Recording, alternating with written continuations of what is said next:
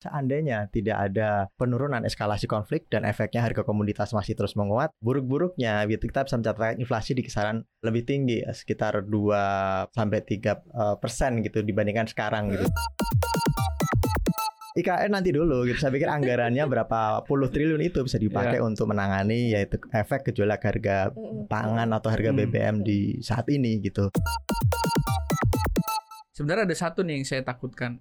Misalnya ini terus berlangsung lama, terus normalisasi kebijakan moneter atau suku bunga yang udah mulai normal. Ah, nah, iya, itu gimana bener. tuh? Koneksi. Konten ekonomi seksi. Hai Sobat Cuan, selamat datang di podcast Cuap Cuap Cuan Kali ini dalam segmen Koneksi Konten Ekonomi Seksi. Oh, pastinya selalu seksi karena selalu mengedepankan isu-isu terupdate terkini Bersama Maria Katarina dan juga Head of Research CNBC Indonesia Halo. ada Arif Gunawan Mas Argun Dan ada produser CNBC Indonesia Yoliawan Halo. Hai Bang Yol Kita manggilnya biasanya di sini Bang Yol Oke, kita bahas topik yang memang eh, sangat seksi. Ini benar-benar sangat seksi sih, karena kan menyentuh eh, bagian yang terimbas langsung ya, Mm, betul. yaitu adalah kita. Ya kalau Hmm. misalnya apa-apa naik, gitu kan pusing deh apa-apa naik. Kemarin eh, minyak goreng dilepas dengan mekanisme pasar harganya naik, Langsung ya kan, langsung melambung. Terus eh, Pertamax naik. Naik. Terus sekarang ada kajian kalau misalnya harga energi terus melambung, kemungkinan besar juga nanti akan berimbas ke Pertalite, Pertalite. naik.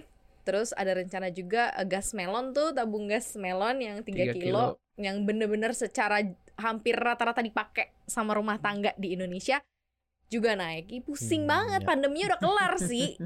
Tapi ini kayaknya lebih lebih pusing nggak menurut Tantangan baru sih. atau karena lo belum jadi bapak rumah tangga jadi menurut lo jadi kayak biasa lo harus berpikir gimana caranya mendapatkan pundi-pundi lebih kalau gini-gini naik Hmm, itu tantangan baru sih. Maksudnya nggak ada orang yang nyangka selesai pandemi ah. tiba-tiba sekarang lonjakan komoditas yang ada di depan orang banyak gitu. Jadi ujung-ujungnya inflasi kan. iya Ya, Iya. tantangan baru banget ini untuk ya semuanya lah pemerintah hingga masyarakat kecil semua ngerasain Hmm. dampak dari kenaikan harga komoditas ya yang kita tahu ada perang segala macam. Hmm, Efeknya ya merembet. Sekarang mulai kerasa nih ke retail-retail Benar, kecil-kecil yang kita nih ibu rumah benar. tangga.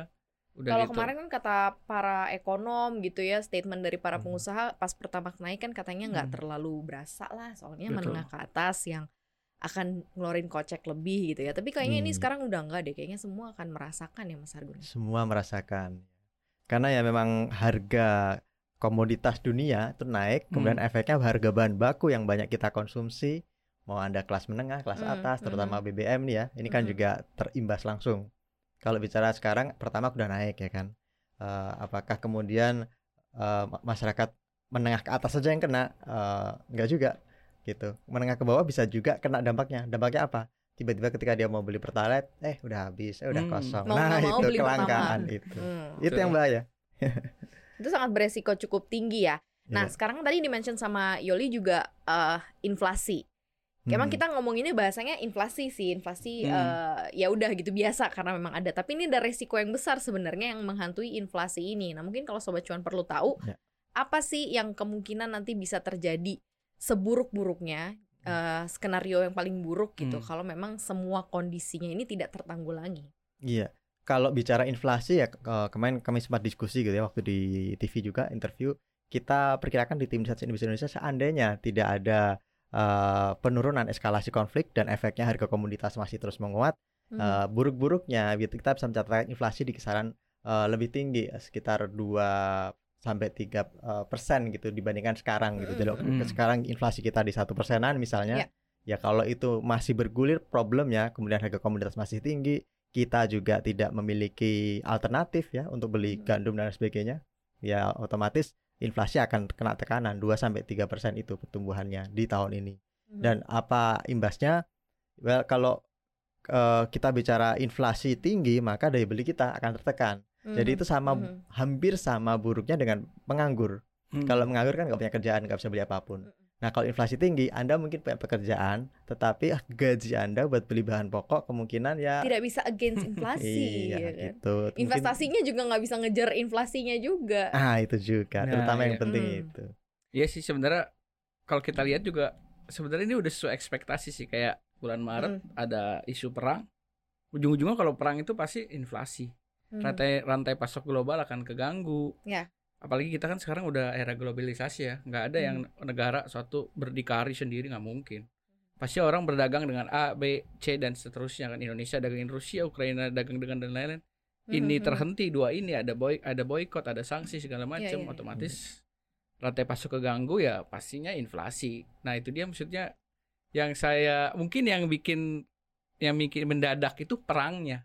Cuman setelah udah dicetuskan perang Mm-mm. itu saya yakin sih sebenarnya ekonom tim riset para pelaku kebijakan udah pasti tahu ini pasti bakal inflasi ke mana Hmm. gitu. pasti akan inflasi energi harga ya mungkin kelihatan dari harga energi yang naik Hmm, harga hmm. harga apa minyak harga batu bara kalau dasarnya udah naik ya pasti inflasi tinggal gimana kita mengantisipasinya sih kayak gitu sebenarnya Hmm, harga-harga naik eh, terus kemudian diikuti dengan daya beli yang eh, nggak ada gitu ya. Hmm. Ah, nggak ikut ini naik soalnya nggak ikut naik karena gajinya gaji kita nggak- tetap baliknya ke situ ya Iya. gajinya nggak naik eh, inflasinya bisa di dua tiga persen tambah Hmm. tambah besar Hmm. itu bakal cepet akan terjadi atau kalau kita kita kita kita ngobrol ini kan belum lah ya mas ya maksudnya Hmm. belum belum belum ada gambaran akan kejadian kapan atau mungkin udah ada nih gambaran ini bisa terjadi nih kira-kira berapa bulan lagi nih kalau seandainya ini nggak ditanggulangi harga energinya terus melambung terus kemudian ya eh jaring pengamannya dari pemerintah tidak segera langsung digunakan atau tidak segera langsung ada bisa kehitung ini nggak sih akan terjadi setahun lagi gitu Eh, pasti gradual karena kan Hmm. eh, setiap pemerintah berusaha memberikan cushion kebijakan yang jadi bantalan jadi Hmm. misalkan pada awal-awal sekarang ini kayak kita sempat perkirakan itu kan pertalite kemungkinan akan menguat juga eh, harganya akan Iya, iya, dinaikkan. Tetapi saat ini kan masih dijaga dulu Hmm. gitu. Pemerintah mengumumkan masih akan dijaga karena ya tuh mereka masih memiliki cadangan, cushion, bantalan entah Mhm. dari apa namanya kompensasi ke Pertamina belum eh, semuanya diberikan misalnya untuk menutup itu. Tetapi pada akhirnya eh, akan jebol juga gitu. Hmm. Karena kalau sekarang aja kita bicara misalnya contoh ya pertalite itu kan eh, tadi saya catat nih kita itu kuotanya cuman eh, Februari contohnya 4,2 juta kiloliter kiloliter Hmm, iya. gitu. Udah eh, sorry itu yang di, di diserap. Sementara Mhm. kuotanya cuman 1,98 artinya udah naik hampir dua kali lipat. Maret Mhm. juga sama saya pikir dan April ya kita mungkin akan melihat kenaikan lebih lanjut karena eh, gini eh, masyarakat ini kan bergerak bergerak berdasarkan insting. Kalau Mhm. memang kita konsumsi BBM nih, biasanya konsumsi Pertamax, Pertamaxnya harganya naik, sementara Hmm. ada alternatif lain Pertalite yang lebih murah ya dan tidak berimbas apa pun misalnya ke mesin dan sebagainya, ya orang akan dengan mudah berpindah. Dan Hmm. kalau itu terjadi, ya otomatis Hmm. akan itu di kelangkaan atau Pertamina dipaksa untuk memberikan kuota lebih tinggi di Hmm. Pertalite dan itu yaitu alternatifnya BBN eh, APBN yang jebol atau kantong kita yang disuruh jebol apa pemerintah gitu. Nah kan Pak Jokowi kan juga bolak-balik menstatementkan sebenarnya Pak Jokowi juga udah punya rasa itu Hmm. gitu ya bahwa kenaikan inflasi kemudian eh, lonjakan harga komoditas pangan membuat pemerintah ini harus menaikkan sejumlah harga gitu ya termasuk di dalamnya adalah eh, BBM. Tetapi Hmm. pemerintah presiden mengatakan katanya kalau mau bikin kebijakan diambil harus tepat dan punya sense of crisis. yes Nah, ini kan poin yang paling penting sebenarnya kan. Kalau misal tadi mengacu kepada entah APBN-nya atau kantong kita, nah sense of crisis yang ke mana yang harus ditaruh nih sama pemerintah? Iya, itu. ya kalau saya sih lihatnya ini pasti dilema ya Iya karena dilema ya kalau kita nanya pemerintah pasti jawabannya kita harus mau nggak mau kayak PPN naik mau nggak mau karena kita udah berdarah-darah APBN-nya karena Mm-mm. pandemi kan Mm. banyak ngeluarin tetapi kita ngasih pemerintah juga ngasih stimulus juga pajak otomatis Mm-mm. pen- pendapatannya nggak sesuai kan defisit APBN Mm-mm, udah mm-mm, luar mm-mm. biasa sedangkan targetnya sesuai undang-undang 2024 ya di bawah tiga persen ya Iya. kalau nggak salah Mm-mm. targetnya Nah, Kena kita ujung-ujungnya kita yang kena. Nah, itu gimana buat nutupin defisit APBN dari PDB itu yang tiga persen Ya. di tahun 2024 kalau enggak dengan ya mungkin salah satunya PPN mungkin nggak tuh efektif apa enggaknya. Ada Hmm. beberapa yang bilang cuma 41 triliun dapatnya kan kalau Iya. kita naikin PPN jadi 11 persen. Terus ada juga Katanya ada juga yang format hapusin aja tax holiday beberapa perusahaan-perusahaan besar, hmm, kemudian betul diambil eh, Ya. ininya itu bisa kok nutupin gitu. Pak Faisal Basri loh yang bilang. pos-posnya sih lebih kreatif iya. dapat pos-posin Lebih pajak kreatif nah. katanya. Ini adalah harus lebih konkret eh, apa get down to the earth lah. Maksudnya kalau pengen sense of crisis ya pemerintah ya oke lah kita disuruh mengeluarkan kocek lebih banyak untuk menutupi kebutuhan sehari-hari.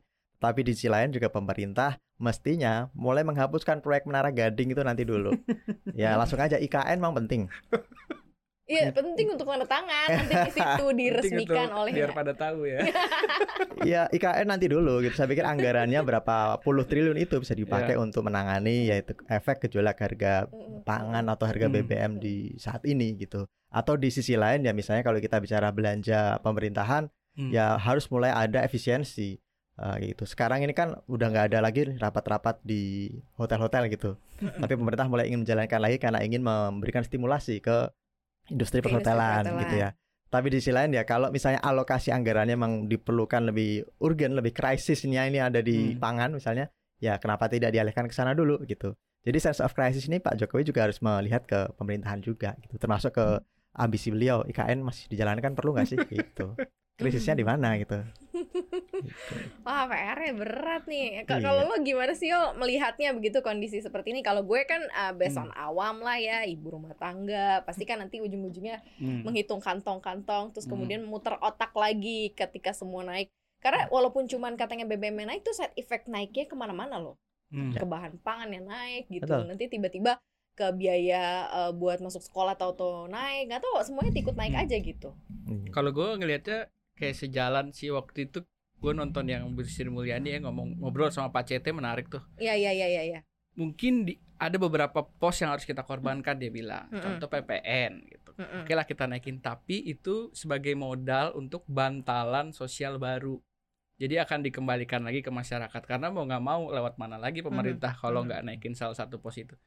Ya, cuman yang saya sayangkan ya benar waktu itu Pak Faisal Basri bilang banyak loh pos-pos yang bisa kita ambil pajaknya tapi Mhm. belum tersentuh gitu. Contoh misalnya bea keluar minerba kan Ya. kita harga harga minerba wah luar biasa loh.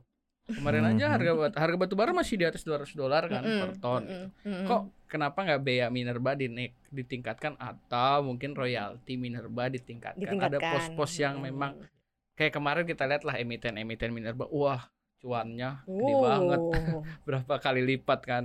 Berarti harusnya nggak jadi terlalu masalah dong kalau mereka atau atau sektor-sektor yang dapat berkah durian runtuh nih dari Hmm. lonjakan harga komoditas ini bisa ayolah mereka sedikit ikut apa tanggung renteng lah gitu kan. Ya, sense of crisis tadi tuh. Nah.